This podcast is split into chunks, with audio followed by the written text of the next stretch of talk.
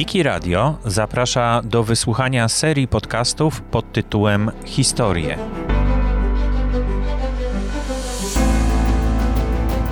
Prawdziwe zdarzenia opowiedziane przez tych, którzy je przeżyli.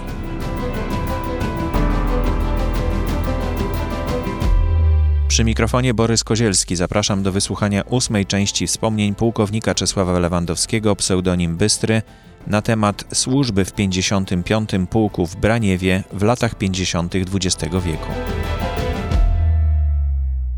Zaczynają się rozmowy kwalifikacyjne z komisją monowską, która przyjechała, gdzie który z oficerów nowo mianowanych zostanie skierowany i na jakie stanowisko.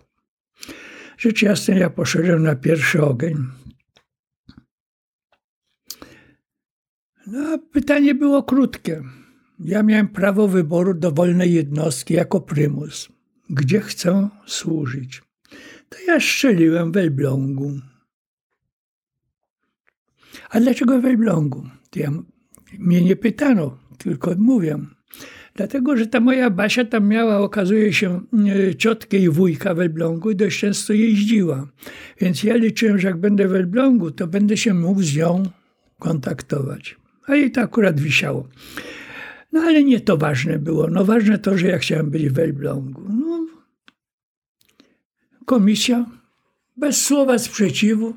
Dobrze. Poruczników będziecie skierowani do Elbląga, do jednostki 55. Pułk Zmechanizowany na stanowisko dowódcy plutonu. W porządku. Wszyscy tak przeszli, wszędzie otrzymali przydziały do różnych jednostek, prawda? No i potem miesiąc urlopu.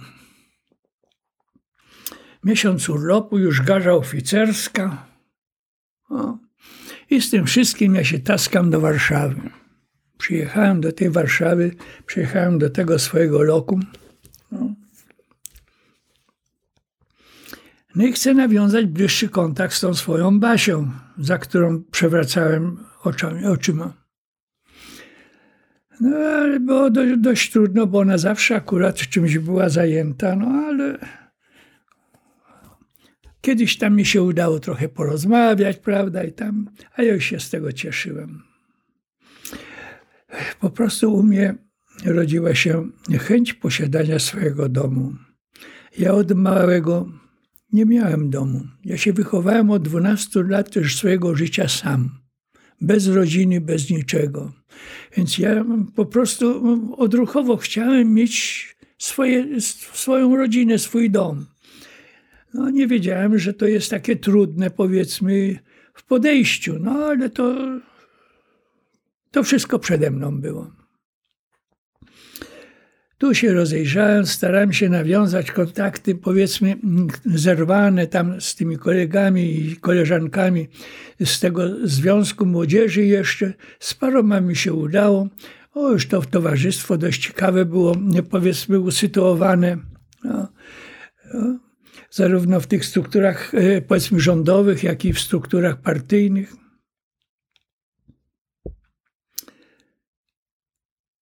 Udało mi się Basię namówić nawet raz do kina. Byłem wielce zadowolony. I starałem się znaleźć te swoje siostrzyczki. Udało mi się. Dowiedziałem się po tych wszystkich, powiedzmy, perypetiach, że one są w. Ja to się to dopiero mówiłem. No. no w każdym razie tam pod Poznaniem.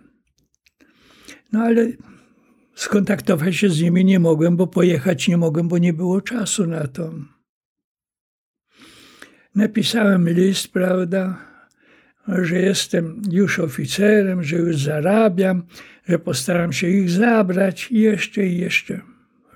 O. Skończył się urlop. No, przecież trzeba mieć jakieś stare lokum, więc jadę do tego Elbląga zgodnie z przydziałem. Melduje się u dowódcy dywizji, prawda? To 16 dywizja pancerna. do objęcia stanowiska dowódcy plutonu. Dowódca dywizji zarządził, a tam nas pojechało 15 czy 16 do tej dywizji, prawda? Zarządził taką, takie spotkanie, odprawę z nami następnego dnia, tam na którąś godzinę ranną. No więc po śniadaniu w kasynie Zameldowałem się tam, koledzy też, przyszedł dowódca dywizji. Zapoznał nas, powiedzmy, ze szlakiem bojowym dywizji, z charakterem działań dywizji, prawda, ze strukturą dywizji, z oceną tej dywizji. To, co powinno się wiedzieć, prawda, idąc y, służyć w tej dywizji. No I na koniec mówi podchorążowie, y, oficerowie, mówi, a teraz mówi, każdy otrzyma dokumenty i pojedzie do swojej jednostki. Jednostki tej dywizji były bardzo rozrzucone w różnych miejscach. A do mnie mówi, a poruczniku, wy jeszcze tam jeden z moich kolegów, y, Kuropatwa, nazwisko, y, pojedziecie, mówi, z kapitanem tam ze sztabu dywizji do Braniewa, do pułku. Tak się spojrzałem do Braniewa. No, czy ktoś ma pytanie? Więc ja zgłaszam, że ja mam pytanie. No wiem, bo to był pułkownik dowódcą dywizji. Mówię, obywatelu pułkowniku, ja zostałem skierowany do 55 pułku do Delblonga. Miałem prawo wyboru. No tak. Idziecie do 55 pułku.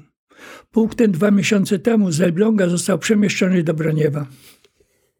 Stąd nie było przy tej komisji żadnego oporu. No trudno, jeśli tak, to już tak.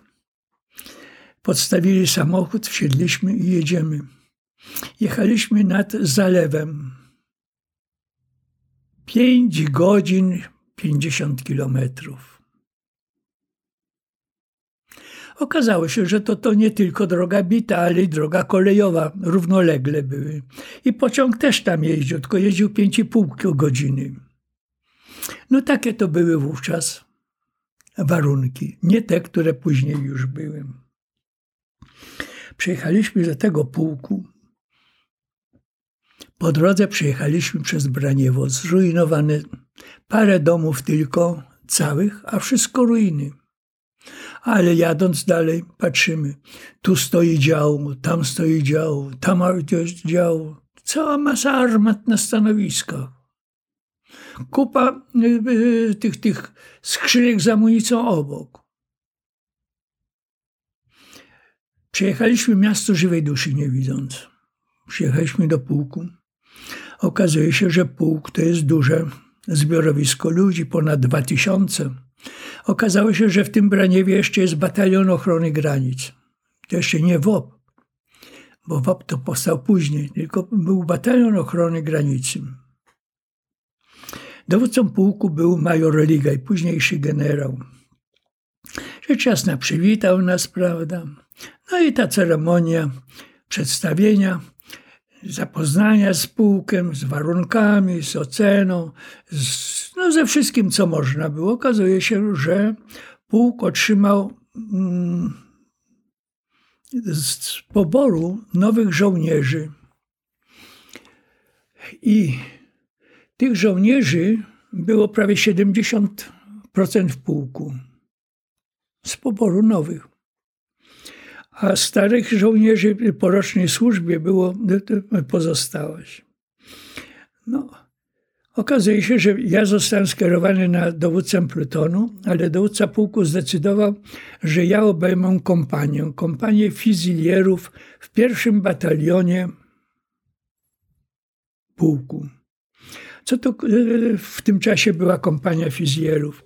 W każdym batalionie piechoty pierwsza kompania była kompanią fizjerów, wyposa znaczy wyposażona w pistolety maszynowe. To była ta, taka mm, szturmowa kompania.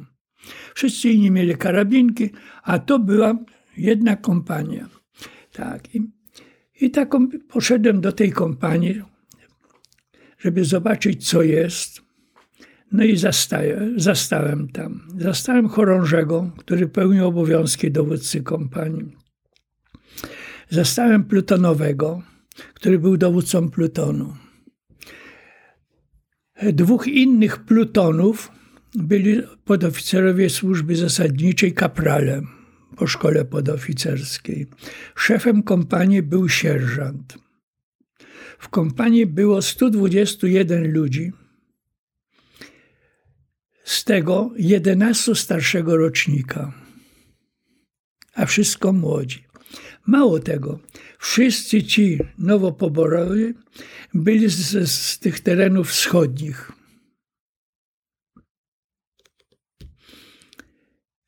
Zakwaterowanie kompanii dobre, no ale przerażało co innego. Przerażała ilość amunicji alarmowej, którą się przechowywało w kompanii. Multum tego było. Amunicja do, do broni, tak, to po dwie jednostki ognia, to na karabin to 80 naboi, a na pistolet to było 400 naboi. No, no to było no, strasznie dużo tego. Tak.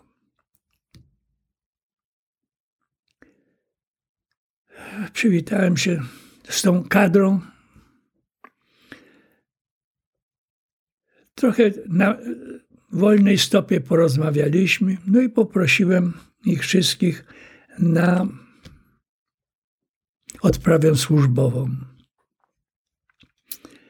Zgłosił się dowódca pełniący obowiązki kompanii, ten chorąży, plutonowy, zgłosili się do Ajkaprale, zgłosił się sierżant, yy, szef kompanii, no i nowo mianowany dowódca kompanii Lewandowski. Okazało się, że ja przy nich to byłem Mikrus. I najmłodszy, i zewnętrznie, i zewnętrznie, no Mikrus, no ja ważyłem 60 parę kilogramów. No, prawdą jest, że nie było sadła, były sam mięśnia, ale tak to było. Przedstawiłem się co jak, prawda? No, trochę opowiedziałem o sobie. No i poprosiłem o krótką charakterystykę każdego z nich. No, przedstawili się, prawda? No i się dowiedziałem wówczas, kto zacz i, i, i, i, jak. Dowiedziałem się, że mamy tych poborowych. Okazało się, że to wszystko analfabeci. Dosłownie wszyscy.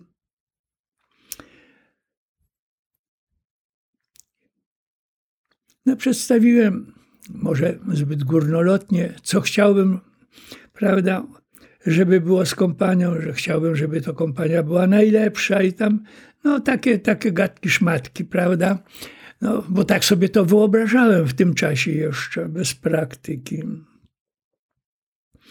Oni przyjęli to wszystko do wiadomości. Okazało się, że żadne, żadnego planu szkolenia nikt nie robił, nie wiedział jak, a nawet nie wiedział, że trzeba. No, po prostu bezład był, naprawdę wielki bezład był. No ale to, to, to braki kadrowe. No i zabrałem się do pracy. Co zacząłem od zapoznania się z tym, co posiadam. Więc za gospodarcze te wszystkie historie odpowiadał szef kompanii ale ja za broń, za amunicję, za to wszystko, to jako dowódca kompanii odpowiadam ja. I za ludzi ja. No mówię, przerażony byłem ilością tej amunicji, którą jako alarmową tam się przechowywało. Granatów, tym olbrzymia masa.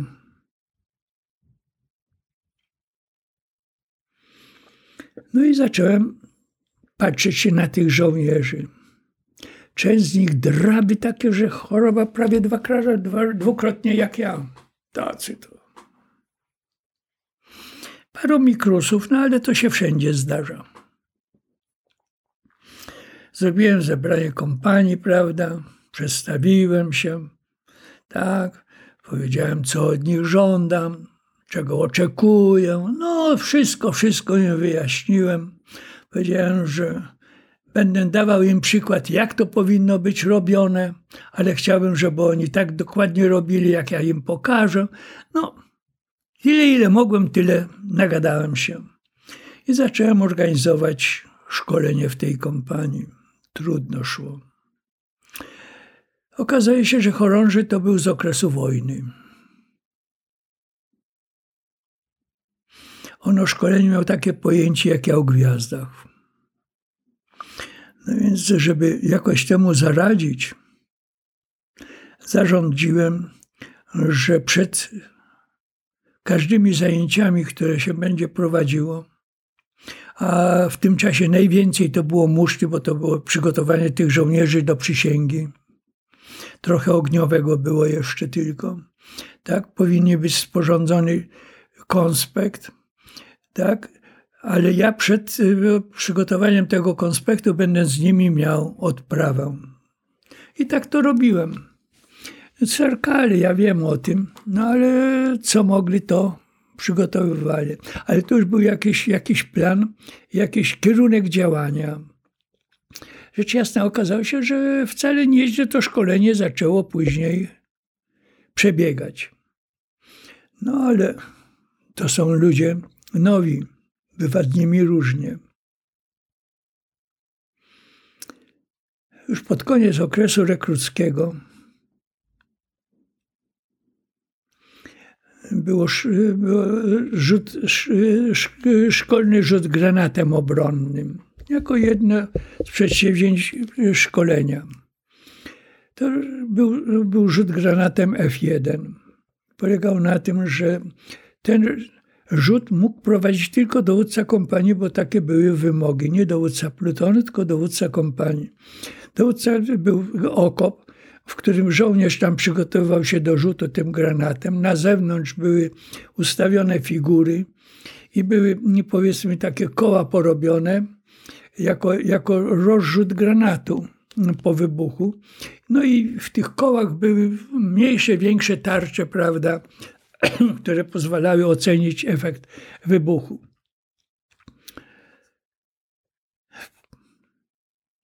Zacząłem organizować to, ten rzut. No, wszystkim powiedziałem i pokazałem, jak się robi, jak przygotowuje granat, prawda, jaka jest kolejność, jakiego słuchać mają rozkazu, kiedy wolno rzucić, kiedy nie. No, zdawałoby się, że wszystko jest w porządku. I przystępujemy do rzutu. Jeden, drugi, trzeci, piąty, dziesiąty rzucają. Wszystko jest w porządku. I jeden z kolejnych, jeden z tych drabów, ale to taki, prawda, ponad dwa metry, ledwo się mieści w tym okopie. Łapa u niego to taka jak moich dwie, trzy. Staję, dałem rozkaz wydania granatów, prawda, otrzymał granat. Jeszcze raz przypominam, co i jak robić, prawda, o, jakie będą komendy i co robić na tę komendy. No i przygotować się do rzutu. On stanął w tym okopie, wziął ten granat. Ja dałem komendę odbezpieczyć granat.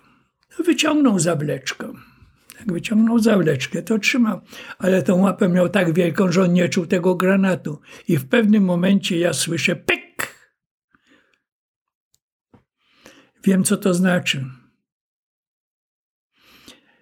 No, mnie dzieliło jakieś 60-70 centymetrów tej mojej wnęki od tego. Wypadłem, pchnąłem go na ten, za ten granat i wyrzuciłem granat. Wybuch tuż na przedpiersią. Okazało się, że on trzymał go w ręku, zwolnił lekko rękę. Ta ręka była wielka, łyżka odskoczyła i, i, i uderzyła. No, wystraszył się drab więcej jeszcze jak ja. Przerwałem te rzuty, żeby trochę ochłonąć, ale później dokończyliśmy i wszystko było w porządku.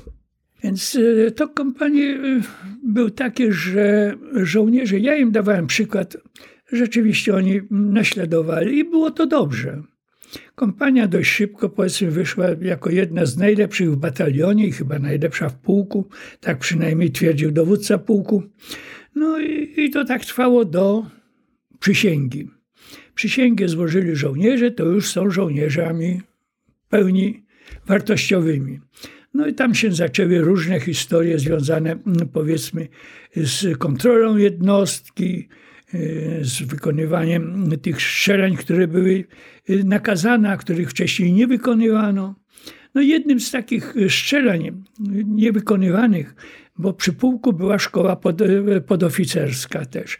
I tą dowódcą tej kompanii szkolnej był ten, który ze mną przyjechał My się kolegowaliśmy wspólnie. U niego zaistniała taka sytuacja, że on musiał jechać czy na pogrzeb, czy na jakąś inną imprezę rodzinną. I zwrócił się do dowódcy pułku o taki krótki urlop. Dowódca pułku mu powiedział, że jeśli ktoś znajdzie kogoś z dowódców kompanii, którzy przeprowadzą to jego szkolenie, strzelanie z tych moździerzy, to on mu zezwoli pojechać. No i się zwrócił do mnie. To ja się wyraziłem zgodę. No i jak przyszedł dzień strzelania, to ja zabrałem ten, ten jego pododdział szkolny, zabrałem ten sprzęt i pojechałem na poligon. Poligon był oddalony jakieś 10 kilometrów. I zaczęliśmy przygotowywanie do tego strzelania, następnie strzelanie z tych moździerzy 82 mm. Ten szef kompanii, u niego to był przedwojenny mm, podoficer zawodowy y, z kawalerii. Taki fajny facet, prawda, z humorem. Ustawiliśmy te moździerze wszystkie na stanowiska i rozpoczęliśmy powiedzmy przygotowanie od strzelania się. Więc pierwszy strzał kierunkowy, tak?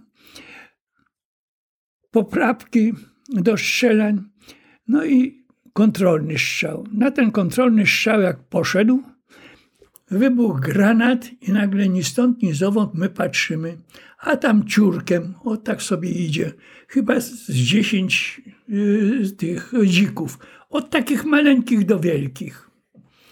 A ten, ten szef kompanii mówi, Borszyka, może po nich. A mnie to dużo trzeba było. Mówię, to po nich. Tylko zmieniłem nieco celownik, wydłużyłem o 100 metrów chyba, czy coś takiego. I mówię, trzy granaty ognia. Poszły trzy granaty, zawiesiły, no i zaczęły wybuchać. Okazało się, że jest w stadzie wybuch, dwa obok wybuchły. Poszli, znaleźli jednego zabitego, jednego dobili, dzika. Ta. A ta reszta uciekła czy oni były ranne, czy nie, to trudno powiedzieć. No. W każdym razie uciekły, ale te dwa były. Zabraliśmy ich to bliżej i przywieźliśmy ich do jednostki. Skończyłem strzelanie z tym wszystkim, prawda? Nawet niezły wynik był. O, zameldowałem dowódcy pułku, że strzelanie odbyte, wynik taki i taki, prawda? Tyle i tyle y, granatów zużyto. No wszystko, co jest niezbędne w takim raporcie. Uważałem, że to się skończy wszystko. Poszedłem do siebie, chyba na drugi czy na trzeci dzień. Tak, adiutant dowódcy pułku dzwoni im poruczniku do raportu do dowódcy pułku. Nic nie zawiniłem. Nikt mnie nie uciekł. Nikogo nie zgubiłem, nikogo nie pobiłem. No ale do raportu, do, do, do raportu. Przygotowałem się, prawda, wyszorowałem jak można, wyprasowałem, melduję się do raportu. A pan Eligaj, major, dowódca pułku, tak się patrzy, jak to było z tym strzelaniem z moździerzy? Więc ja wie, złożyłem raport i obywatel major już wie, a jak to było z tym polowaniem? A to już jestem w domu. Więc przedstawiłem mu, jak to było. Popatrzył się, uśmiechnął. Poruczniku, zapolowanie z moździerzy na dziki. Dziesięć dni aresztu domowego. A za to, że zapełniliście kasyno nowym mięsem, pochwała. Jedyna na 40 lat służby wojskowej kara, jaką otrzymałem, 10 dni aresztu domowego od dowódcy pułku 55 w Braniewie za polowanie na dziki z moździerza. Eee, były trudne warunki eee, kadrowe, no rzeczywiście. Trzeba było wysilać się bardzo. No ale nie było równocześnie żadnej rekompensaty za ten wysiłek. No, bo cały, cała mm, e, przyjemność pobytu w wolnym czasie, a tego było bardzo mało, to było kasyno. No, grało się w bilard tylko z grzybkiem i piło wódkę. Od czasu do czasu tam było urządzane jakieś, jakieś potańcówka, a to się tylko i wyłącznie opierało o kadrę i powiedzmy te panie, które y, stanowiły rodziny tych wojskowych. Okazało się, że w tym czasie, jak my byliśmy tam w Braniewie, to mieszkańców było około 500 osób, a miasto y, wcześniej liczyło ponad 30 tysięcy. No i to kasyno doprowadziło do tego, że wpadło, a przynajmniej ja wpadłem w pijaństwo. No bo ja niby dużo nie piłem, ale wystarczy cały czas do śniadania, do obiadu, do kolacji. No rzecz jasna, że dyscyplina i reżim powiedzmy pewnych przedsięwzięć był zupełnie różny. Chociażby od to, to o tym strzelaniu z młodzieży, co ja mówiłem. To jest niedopuszczalna rzecz w chwili obecnej, ale ja strzelałem ponad torem kolejowym. Do tarcz na poligonie, bo przez ten poligon przebiegał tor kolejowy, gdzie pociągi osobowe jeździły. No. No były zupełnie inne warunki. Ale były i nieprzyjemne momenty. E, takim nieprzyjemnym momentem to było to, że jeden z żołnierzy, bo się trafiały dość często w tym okresie dezercje żołnierzy. Jeśli bez broni, to jeszcze pół biedy, ale była dezercja z bronią. No, uchwycili gdzieś tam, powiedzmy ci z WSW, tego delikwenta, przywieźli i okazało się, że chcą organizować e, pokazówkę w pułku. A więc przywieźli tego aresztowanego, zatrzymali go tam w areszcie, przy warcie, prawda? I następnego dnia miała się odbyć ta pokazówka. Następnego dnia wchodzą do aresztu, a tam e, nie ma, nie ma aresztanta. Gdzieś zwiał. Okazało się, że przez okienko zwiał, bo, bo było niezabezpieczone. No i dowódca pułku, chcąc jakoś ratować sytuację, wysłał trzy patrole oficerskie prawda, w okolice, żeby można go było przechwycić. Ja trafiłem z tym jednym patrolem do miasteczka. Którym był mm, zakon żeński. Pytam się tu, tam, ówdzie, czy nie widzieli takiego żołnierza, znaczy takiego w ogóle żołnierza, żeby był. No i jeden z panów mówi, proszę panów, ja widziałem, mówi, jak, taki, jak żołnierz jeden szedł tam do tego klasztoru. No więc jak tak, to od razu idziemy do klasztoru. Poprosiłem tą Ksenię, prawda, i mówię, że szukam takiego i mam informację, że tu. Ona twierdzi, że nikt u nich nie był. No ale wierzyć, nie wierzyć. Mówię, to my zrobimy przeszukanie, chociaż nie wolno tego było, no ale. No. Robimy to przeszukanie, a to, to wszystko wcześniej rano jest jeszcze. No. Doszliśmy do takiego jednego skrzydła, otwieramy, a tam te, te zakonnice w negliżu.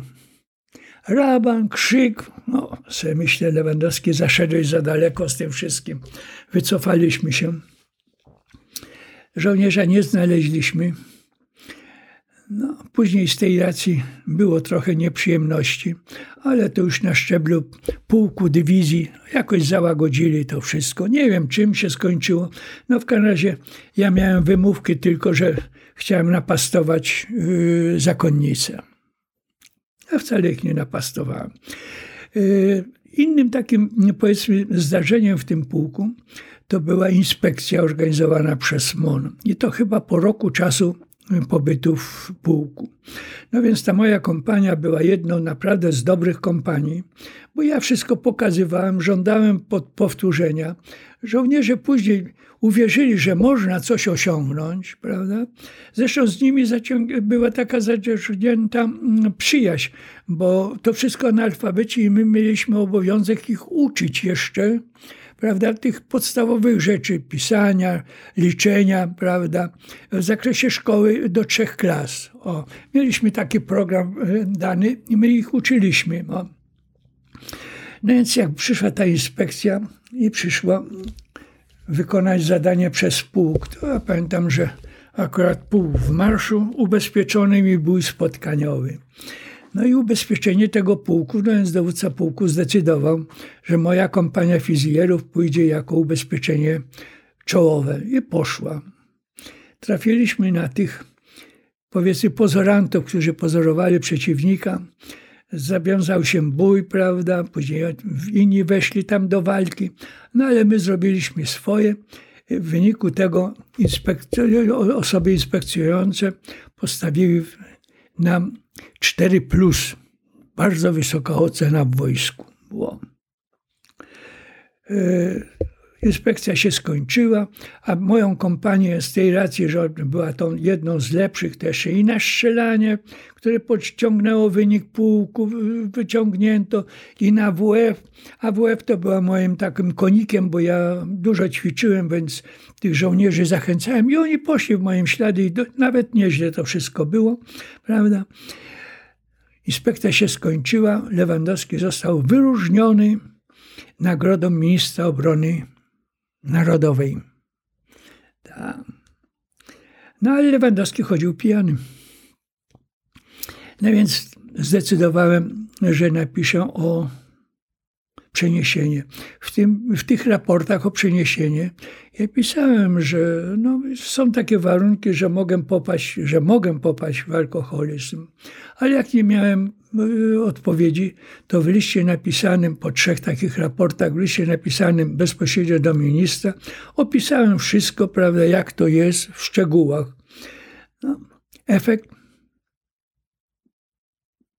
po dwóch tygodniach przeniesienie Lewandowskiego. I tak się skończyła e, moja, mój pobyt, moja egzystencja i moje osiągnięcia i moje porażki w mieście Braniewie. Koniec.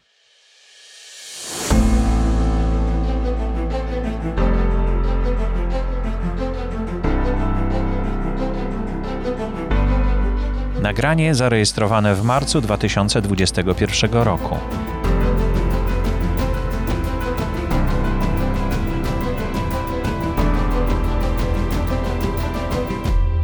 To był odcinek podcastu Wiki Radia serii Historie wspomnienia pułkownika Czesława Lewandowskiego. Pozostałe odcinki dostępne są w podcaście Historie w czytnikach podcastów i w Wikimedia Commons w kategorii Podcasty dla Wikipedii.